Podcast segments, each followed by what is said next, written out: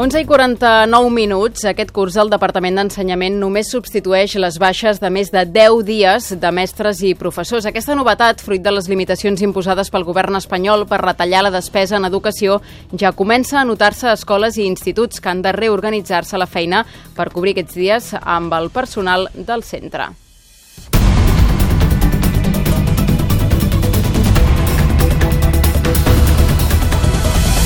Avui tenim el micròfon de Servei de Catalunya Informació a l'Escola Ocata de Masnou amb la Montse Poblet. Montse, bon dia. Hola, bon dia. Estic a la classe, just al davant de la classe de sisè d'aquesta escola del Masnou, on estudien 200 nens i nenes de 13 a 12 anys. Si us sembla, hi entrem. Hola, bon dia. He vingut fins aquí perquè la tutora d'aquest grup està de baixa des del 19 de setembre i encara avui no hi ha ningú per substituir-la. Això vol dir que els últims 12 dies de classe l'escola ha hagut de cobrir amb recursos propis, amb alguns dels 17 mestres que hi treballen, les hores que no fa la docent que està malalta. Ens expliquen que és una espècie de sudoku que direcció i cap d'estudis fan per, quedar, per quadrar les hores i per garantir que en la mesura del possible els nens continuen rebent les classes que els hi toquen, tot i que sempre s'acaben perdent coses. Ara els nens acaben de tornar del pati i s'estaran una hora amb la mestra de segon de primària, la Carmen Glòria. Carmen, mm, bon dia. Hola, bon dia. Aviam, eh, tu quan saps que et toca venir fins aquí a cobrir la baixa de la mestra que està de baixa i què és el que hi faràs amb aquests nens? Doncs a primera hora del matí, quan arribem a, a les 9, a menys 10, doncs eh, en direcció ens crida i ens diu més o menys les, les, les variacions que pot haver i, i me sabento llavors. Després estic a la classe eh, treballant i, i, quan, i quan em venen a buscar, o quan pugem del pati i tal, doncs m'avisen eh, l'hora que em toca i l'assignatura que em toca també donar. Ara què és el que et tocaria, o sigui, què és el que estarien fent aquests nens, si és la seva tutora i què és el que estan fent? Veig que estan totes les taules separades com si tinguessin un examen? Sí, doncs ara faran una prova d'ACL, de, de comprensió lectora i l'aniran fent, que no, no tocava, seria l'haurien fet quan, amb, amb la seva professora, però bueno, l'adelantem una, miqueta, una mica, uns dies abans, i així doncs, quan, quan arribi ella eh, es, se la trobarà feta. Però jo en aquestes hores tenia un reforç en una altra classe, estava, tenia que anar a la classe de primer. Perquè tu ets tutora de segon. Mm. Els teus alumnes ara amb qui estan? Doncs ara fan educació física, però jo aquesta hora que tenia lliure tenia que anar a reforçar la classe de primer i fer lectura amb els de primer això és un, un aspecte del currículum que queda pendent. Clar, queda pendent i això és, eh, estem en un començament de curs i això pot passar doncs, moltíssimes vegades.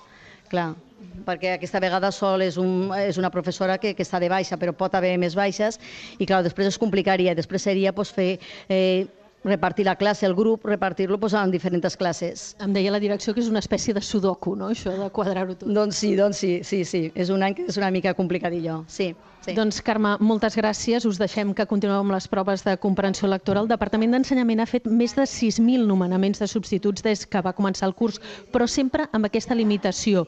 No cobrir cap baixa de menys de 10 dies lectius, de manera que les escoles tenen ben bé unes dues setmanes per cobrir els buits que deixen els mestres de baixa i funcionar d'aquesta manera que esteu veient.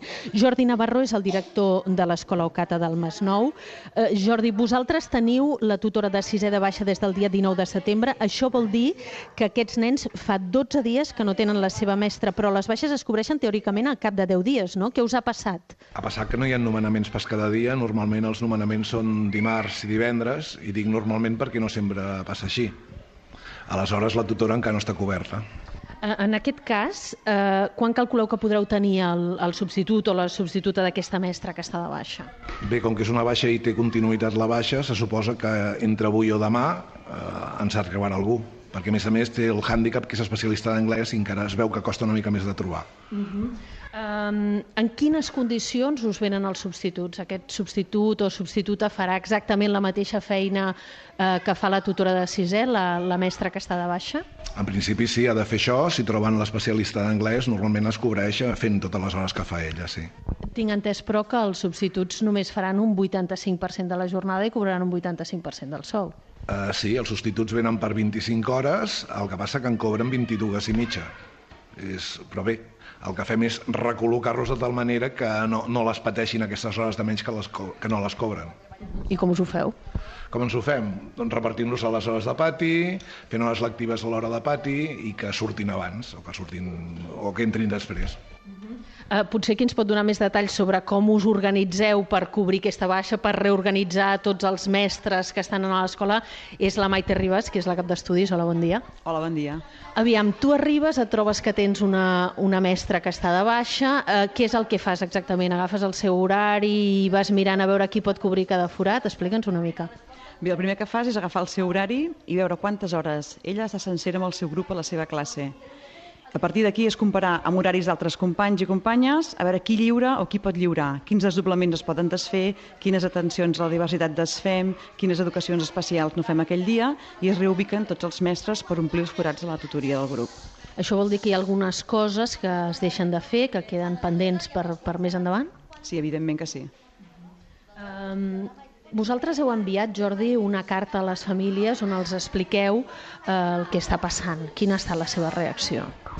Les famílies no ho acaben d'entendre, les famílies, en certa manera, culpabilitzen, si més no, a nivell conversa de pati a, a la direcció del centre, i la carta, bé, se'ls explica que no, no tenim el, el, el mestre substituït fins al final de 10 dies, i els hi costa entendre-ho, evidentment.